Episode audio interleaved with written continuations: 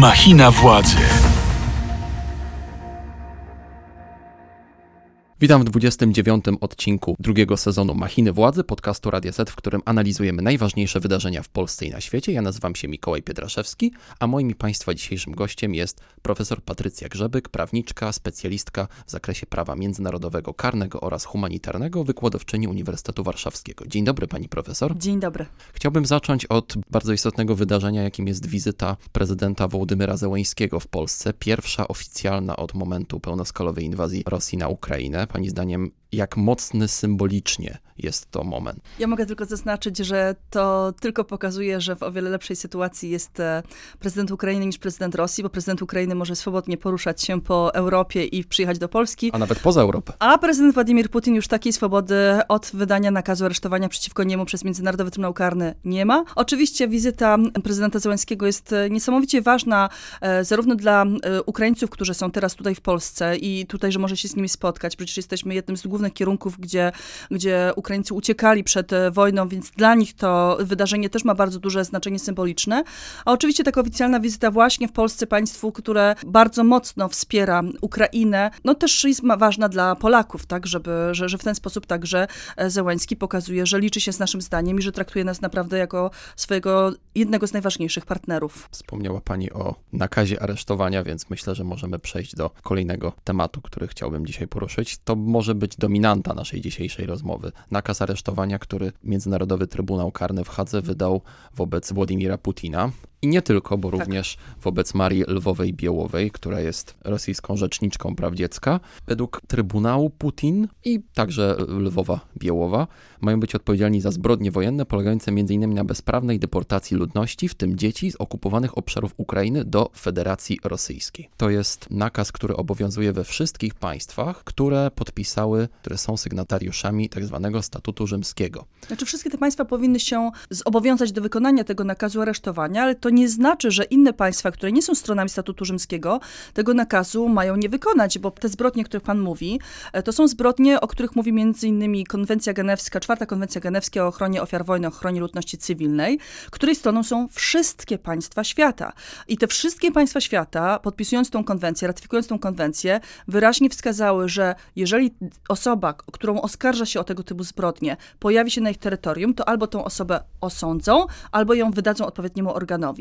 Więc y, tak naprawdę argumenty dotyczące wykonania nakazu aresztowania można użyć w stosunku do wszystkich państw, ale oczywiście są one mocniejsze w stosunku do tych państw, które są stronami statutu rzymskiego. Tych państw jest w tym momencie ile? 123. W tych 123 państwach Władimir Putin nie może się czuć bezpieczny. I w nich, i nie tylko w nich, tak jak powiedziałam, bo ja tylko przypomnę, że kiedy na przykład były już prezydent Sudanu Bashir e, próbował udać się na posiedzenie Zgromadzenia Ogólnego do Nowego Jorku, Stany Zjednoczone, które nie są stroną statutu rzymskiego i które mają takie dosyć chłodne podejście do tego Trybunału, wtedy zapowiedziały, że nakaz aresztowania wykonają. Dlatego ja tak podkreślam, że owszem, to są te 123 państwa, ale Władimir Putin nie może czuć się bezpiecznie w żadnym teraz państwie, biorąc pod uwagę ewentualną chęć wykonania tego nakazu aresztowania. Są dwa państwa, których y, być może Władimir Putin się w tym roku, w najbliższych miesiącach pojawi. Są to Turcja i Republika Południowej Afryki. Turcja to jest y, planowana wizyta jeszcze pod koniec kwietnia, 27 kwietnia bodajże. Pani zdaniem może mu coś tam grozić? Bo y, to jest też ciekawe pytanie w kontekście postawy władz tureckich i samego prezydenta Erdogana, który dość mocno lawiruje pomiędzy Zachodem a Moskwą. Kilkukrotnie zgłaszał również swoją chęć y, uczestnictwa w mediacjach między Rosją a Ukrainą, a poza tym jest teraz też zajęty y, zbliżającymi się wyborami prezydenckimi i parlamentarnymi, które są trochę takim być albo nie być dla niego, więc pytanie w jaki sposób mógłby to wykorzystać. Znaczy, Turcja nie jest stroną statutu rzymskiego, więc nie ma takiego otwartego zobowiązania, tak jak mówiliśmy wcześniej, do wykonania tego nakazu aresztowania. Ale Republika Południowej Afryki. Ale tak. Republika Południowej Afryki już stroną statutu rzymskiego jest i rzeczywiście jest w pewnym kłopocie, bo już wcześniej była taka sytuacja, kiedy właśnie ten wspomniany prezydent Sudanu był z wizytą w RPA. RPA powoływało się na immunitety przysługujące głowie państwa i e, że niestety nie może go wydać, ale jednocześnie trwało postępowanie w Sądzie Najwyższym RPA i tenże sąd orzekł, że jednak RPA jest zobowiązana do wydania wówczas Bashira i to był akurat ten moment, w którym samolot z z Bashirem startował, żeby opuścić strefę powietrzną RPA. Więc tutaj większy kłopot ma raczej RPA, jeśli chodzi o naciski na nią i jej zobowiązania wynikające ze statutu rzymskiego. Turcja, Turcja, tak jak powiedziałam, też na pewno pewne naciski na nią będą. Czy się zdecyduje na nakaz aresztowania? Zwłaszcza, że jest członkiem NATO. Tak, dokładnie. Czyli tutaj też te powiązania z państwami zachodnimi, które twardo deklarują, że taki nakaz aresztowania by wykonały. Oczywiście takie, taka presja zapewne będzie. Taka presja też będzie w ogóle też na inne państwa, czy będą chciały uczestniczyć w spotkaniach, w których będzie brał człowiek oskarżany o najpoważniejsze zbrodnie prawa międzynarodowego. Czy ja się spodziewam tego, że Turcja wykona nakaz aresztowania? Nie. Natomiast spodziewam się ogromnej presji, ogromnej dyskusji i niekomfortowej sytuacji. I właśnie o stworzenie takiego braku komfortu też Trybunałowi chodziło. Jakie są tak naprawdę w tym momencie, że tak zapytam, trochę zdroworozsądkowo i trochę w taki prosty sposób szanse, prawdopodobieństwo, że Putin faktycznie zostanie aresztowany i stanie przed Trybunałem i zostanie osądzony. Szanse są na razie teoretyczne. Ja bym powiedziała, że one są bardzo, bardzo małe, prawda? Natomiast też e, ja bym zwróciła uwagę, że to wydanie nakazu aresztowania przez Międzynarodowy Trybunał Karny, na nie trzeba popatrzeć troszeczkę szerzej. Ono zaskoczyło wszystkich, zaskoczyło także prawników międzynarodowych, bo myśmy nie spodziewali się, że Trybunał już w pierwszym nakazie e, wyda ten nakaz właśnie e, przeciwko Władimirowi Putinowi. Podobno na Kremlu też wpadli w popłoch. Tak, i to też pokazuje, że mimo, że często powtarzamy, że te duże państwa nie muszą się przejmować sądami międzynarodowymi, one tak męczucznie zawsze te sądy krytykują, a jednak e, ta sama Rosja, gdy rozpoczęła Ukraina postępowanie przeciwko niej w Międzynarodowym Trybunale Sprawiedliwości, początkowo postanowiła ignorować to postępowanie, ale później jednak swoje zdanie, swoje opinie wyraziła i w tym postępowaniu uczestniczy. W przypadku Międzynarodowego Trybunału Karnego te nerwowe reakcje Miedwiediewa, który mówił, że e, niech sędziowie Trybunału patrzą w niebo, bo być może wyleci tam rakieta e, przeciwko nim. Klasyczne Miedwiediew z ostatniego roku. Tak, i to też zaskakujący Miedwiediew, prawda, porównując go do poprzednich e, lat, jeśli chodzi o tą agresję w, w jego wypowiedziach. Natomiast e, to jednak pokazuje tą nerwowość ze strony władz e, rosyjskich. Które to władze jednak jednoznacznie oponują przeciwko takiemu nakazowi, stwierdząc, że nie podlegają jurysdykcji Trybunału, że nie są sygnatariuszami, że to w ogóle ich nie obchodzi. Tak. Starają się przynajmniej na użytek zewnętrzny wykorzystywać retorykę. Ale przypomnijmy, że Rosja jednak podpisała statut rzymski, potem tylko, gdy zaczęło się postępowanie w sprawie zbrodni popełnionych w trakcie konfliktu rosyjsko-gruzińskiego, e, Rosja postanowiła wyraźnie powiedzieć, że nie zamierza ratyfikować statutu rzymskiego. No i też pamiętajmy, że Rosji jakoś nie przeszkadzało przekazywanie sytuacji, czy to w Libii, czy w Darfurze, do Międzynarodowego Trybunału Karnego. Wówczas uważała, że ten trybunał jest e, użyteczny.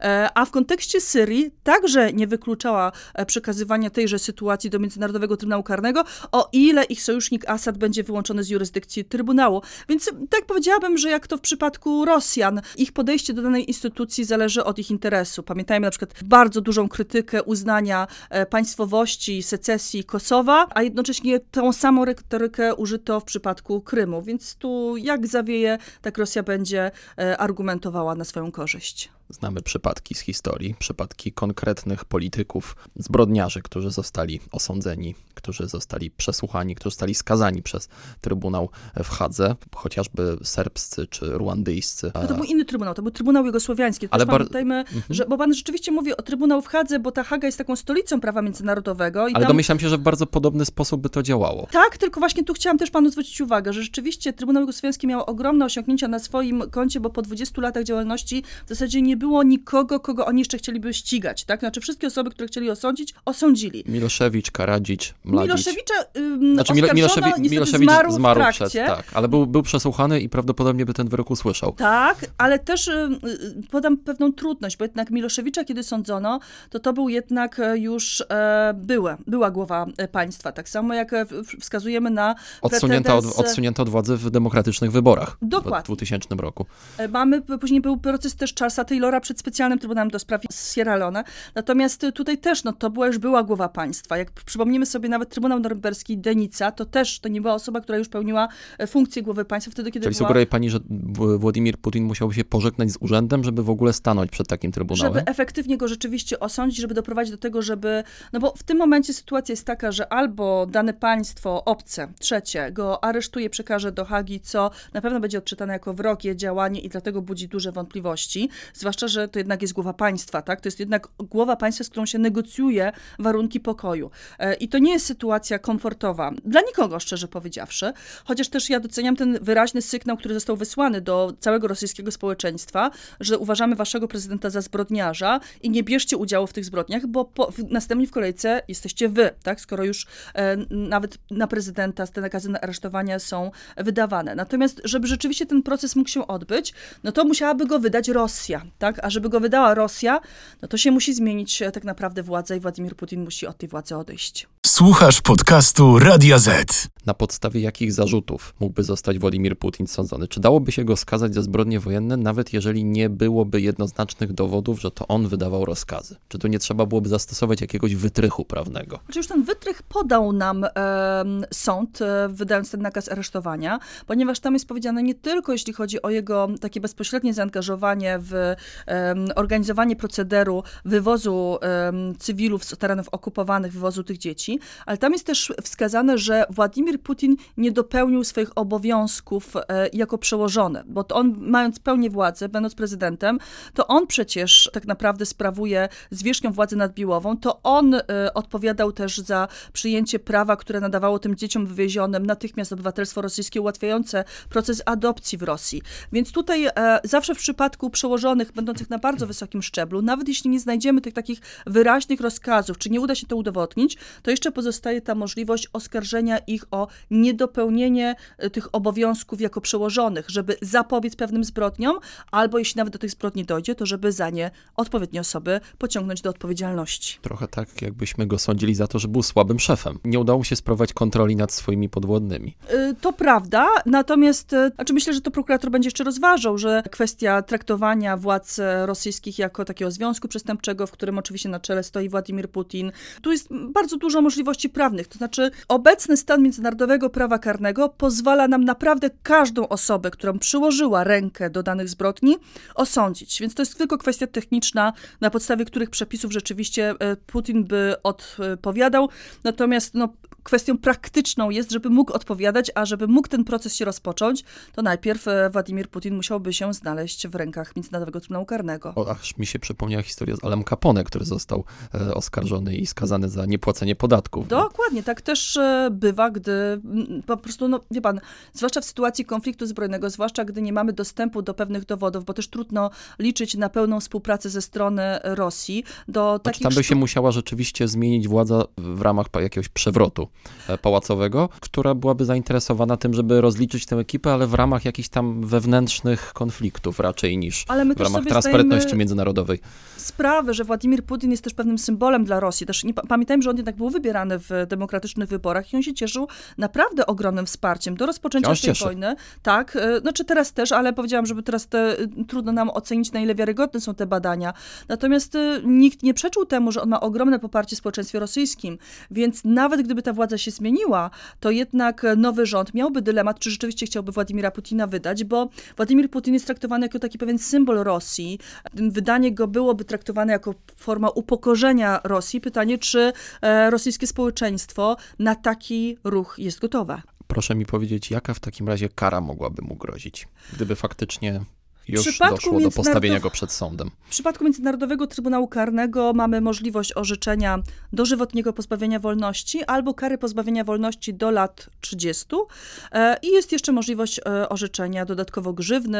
MTK ma też e, możliwości zasądzenia odszkodowań dla, dla ofiar w osobnej procedurze. To teraz pytanie, które muszę zadać, ponieważ wśród sygnatariuszy statutu rzymskiego jest również Polska.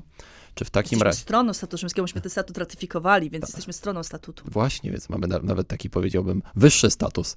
Proszę mi powiedzieć taką rzecz, bo serbscy zbrodniarze, jest kilkoro serbskich zbrodniarzy, jest, było, bo jeden akurat już został z powrotem przetransportowany do Hagi, odbywało karę w Polsce. To mam tutaj nawet ich wypisanych. Sreten Lukic, były szef serbskiej policji, odpowiedzialny za e, zbrodnie przeciw ludności albańskiej. On już akurat od stycznia 2021 nie odbywa kary w Polsce, ale w murach aresztu śledczego w Piotrkowie Trybunalskim, jednego z najnowocześniejszych zakładów penitencjarnych w Polsce, wciąż przebywają generał Radisław Krstić, czyli dowódca jednego z korpusów podczas masakry w bośniackiej Srebrenicy, Miczo Stanisi, były szef y, MSW w Republice Serbskiej Bośni oraz Stojan Żuplianin, były szef policji i były doradca prezydenta Republiki Serbskiej Radowana Karadzicia. Oni akurat w sierpniu 2019 trafili do polskiego zakładu penitencjarnego w Piotrkowie Trybunalskim. Zmierzam do pytania, czy teoretycznie bo już tutaj się bawimy rzeczywiście w jakieś takie daleko idące hipotezy, Władimir Putin mógłby odbywać karę Polsce?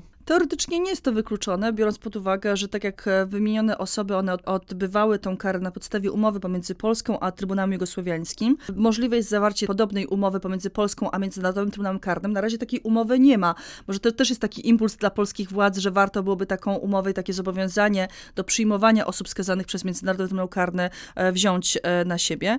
Więc oczywiście teoretycznie taka możliwość jest, natomiast proszę pamiętać, że zawsze w takiej sytuacji rozważa się też kwestia kwestie bezpieczeństwa, czy na przykład pobyt danej osoby nie będzie zagrażał bezpieczeństwu danego państwa i też chodzi o bezpieczeństwo oczywiście e, danej osoby. No i pytanie, czy Zakładam, że musiałby być raczej odizolowany od Czy rzeczywiście w Polsce Władimir byłby raz, że bezpieczny, w to akurat wierzę, natomiast pytanie, czy to nie narażałoby Polski na jakieś e, zagrożenia. Bo akurat jak czytałem o serbskich zbrodniarzach, którzy odbywali wyroki w Polsce, to raczej tam słyszałem historię o tym, że oni mają raczej dobrą opinię wśród strażników, pracują w bibliotece, uczą się polskiego. Trochę sobie nie wyobrażam Władimira Putina w, takiej, w takich realiach. Uczącego się polskiego. I tak. pracującego w bibliotece.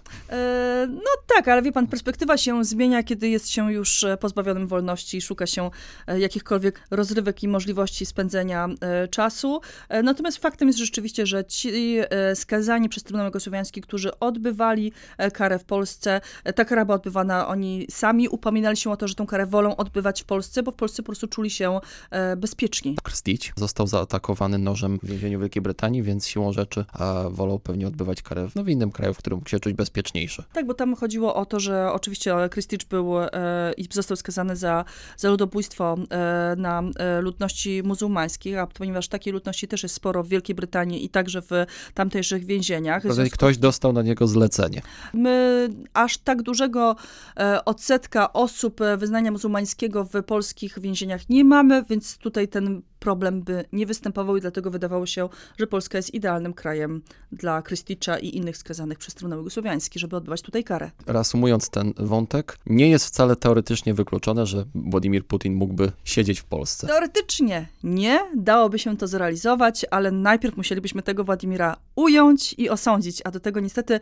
droga daleka, natomiast ja zawsze powtarzam, że proszę pamiętać, że jeśli chodzi o sprawiedliwość międzynarodową, o procesy przed sądami międzynarodowymi, to nigdy nie jest sprint, to jest naprawdę bieg długodystansowy.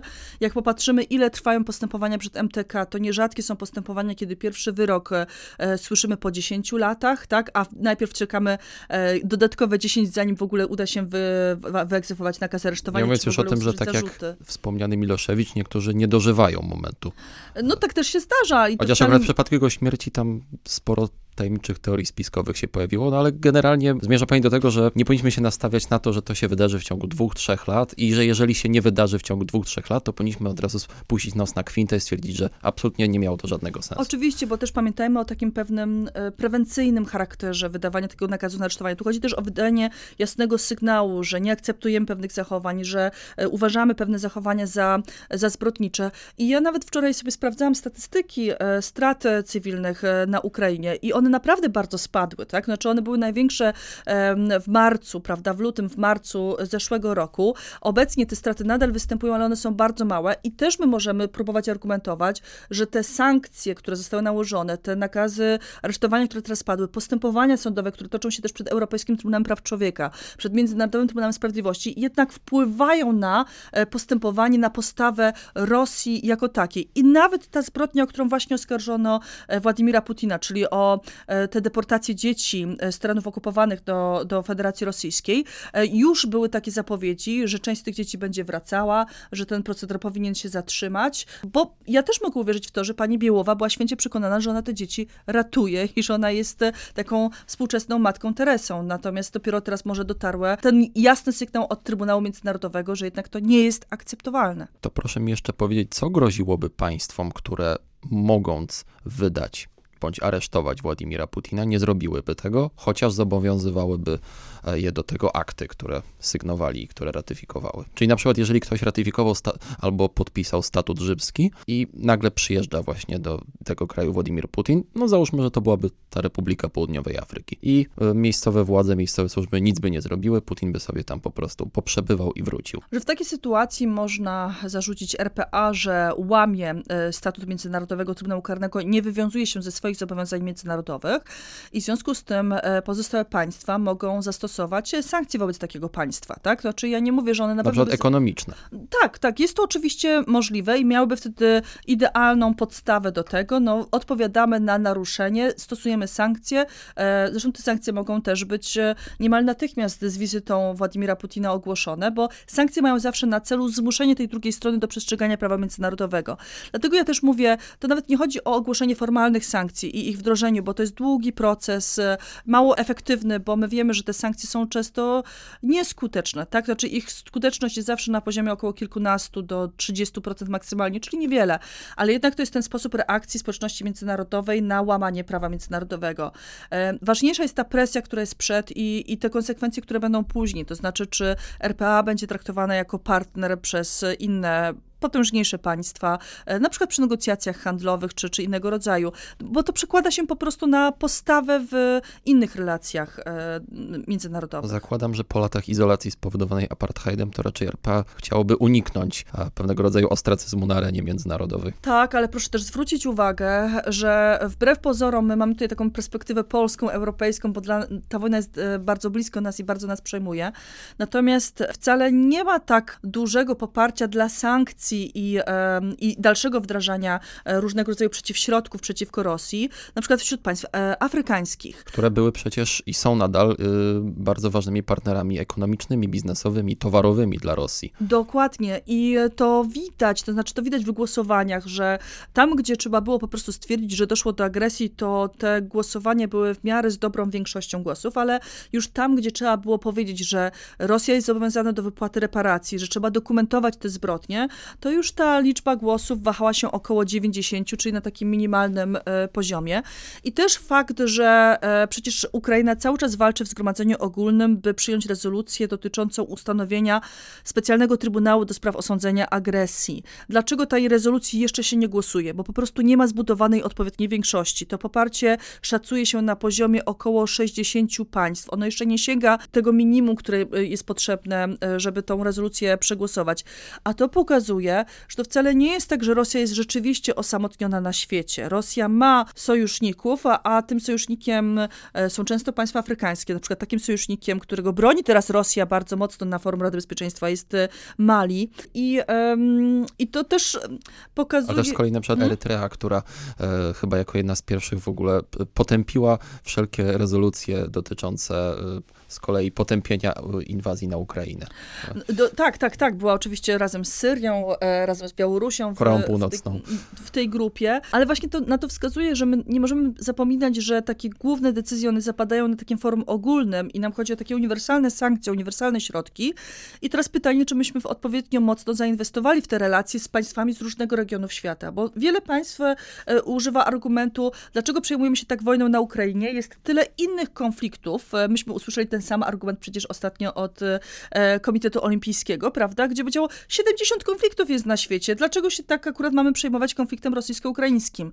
No różnica jest ogromna, bo tu jest agresja, tu jest napaść jednego państwa na drugie. Taką agresję rzadko obserwujemy po 45 roku i oczywiście o tym trzeba e, przypominać, ale te państwa e, mówią o takim selektywnej sprawiedliwości, o takim wybiórczym e, traktowaniu e, prawa międzynarodowego przez państwa zachodnie i czasami ciężko znaleźć kontrargumenty argumenty na, na tego typu zarzuty. Słuchasz podcastu Radio Z. Skoro pojawił się w naszej rozmowie wątek Międzynarodowego Komitetu Olimpijskiego, to myślę, że możemy przejść do tego segmentu naszej rozmowy. 25 marca w MKOL-u zapadła decyzja o wydaniu zalecenia, czy rekomendacji dla międzynarodowych federacji sportowych dotycząca ponownego dopuszczenia zawodników z Rosji i Białorusi do udziału w międzynarodowej rywalizacji, oczywiście wprowadzając tam szereg warunków do spełnienia, na przykład konieczność występu pod neutralną flagą, bądź w przypadku takich zawodników, którzy nie wspierali w sposób jawny i jednoznaczny wojny w Ukrainie i agresji na Ukrainę. Warto też zaznaczyć, że postanowienie MKL-u jest jedynie rekomendacją na razie.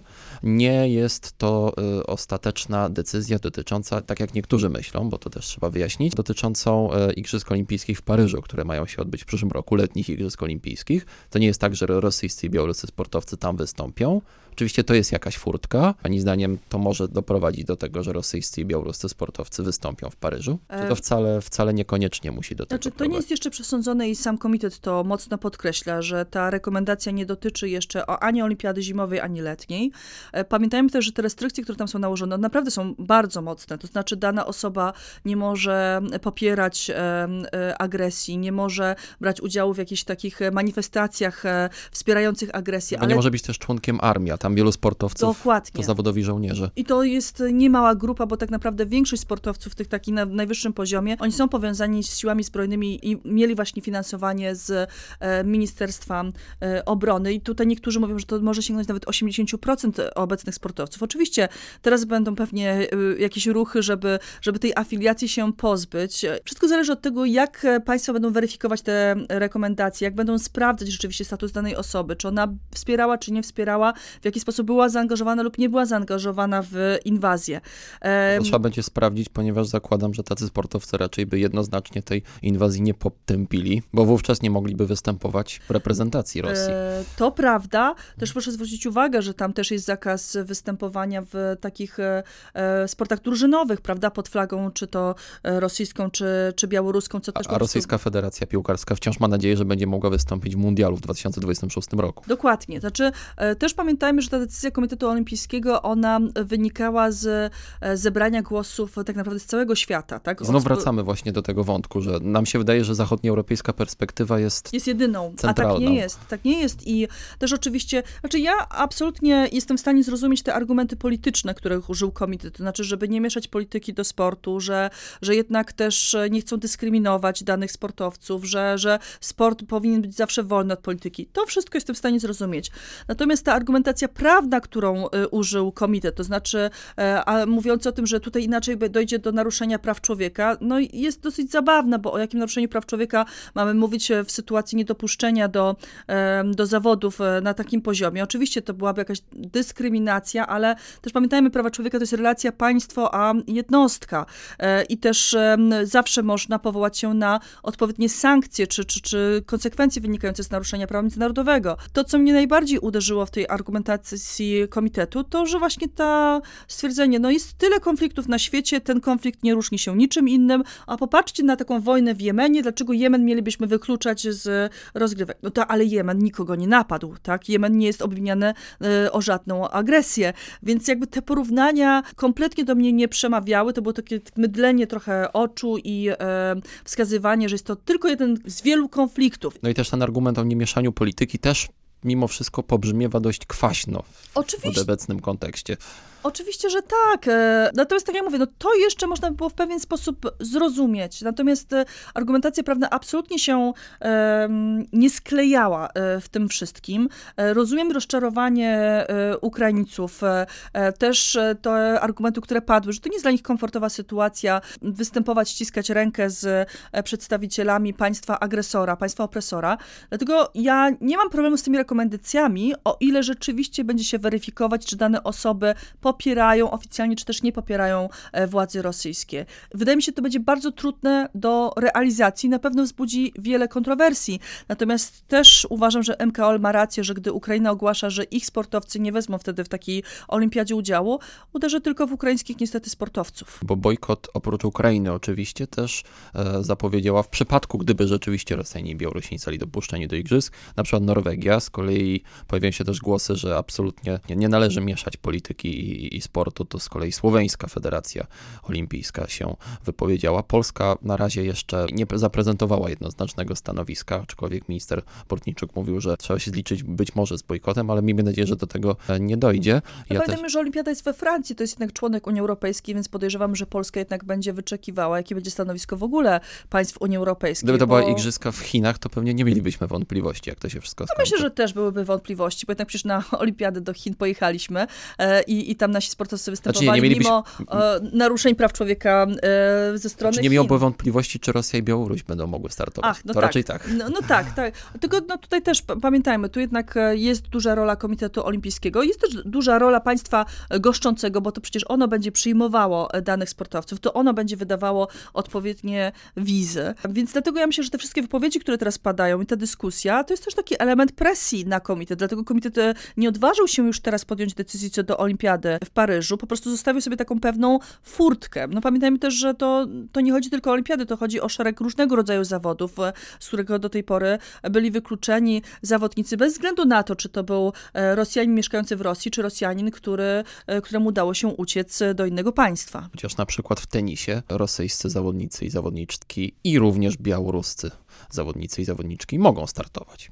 Chociaż na przykład y, Jelena Rybakina musiała zmienić afiliację narodową i teraz Tak. występuje jako e, przedstawicielka Kazachstanu. No to też e, MKOL na to zwrócił uwagę, że też obserwuje dotychczasową praktykę, bo mówił, że wcześniej takiej rekomendacji nie wydawał, bo też e, zdawał sobie sprawę, że dopuszczenie sportowców z Rosji i Białorusi może doprowadzić do różnego rodzaju napięć, może to wpłynąć na bezpieczeństwo danych zawodów. Ponieważ do takich incydentów do tej pory nie dochodziło, wydaje mu się, że to jest bezpieczne rozwiązanie dla wszystkich e, zawodników, ale dalej będzie obserwował, jak się będzie rozwijała sytuacja. Dziękuję w takim razie za tę rozmowę. Moim i Państwa dzisiejszym gościem, moją rozmówczynią była profesor Patrycja Grzebyk, prawniczka, specjalistka w zakresie międzynarodowego prawa karnego oraz humanitarnego, wykładowczyni Uniwersytetu Warszawskiego. Dziękuję Pani profesor. Dziękuję bardzo i do widzenia. Ze swojej strony również dziękuję za ten odcinek, za to, że słuchaliście.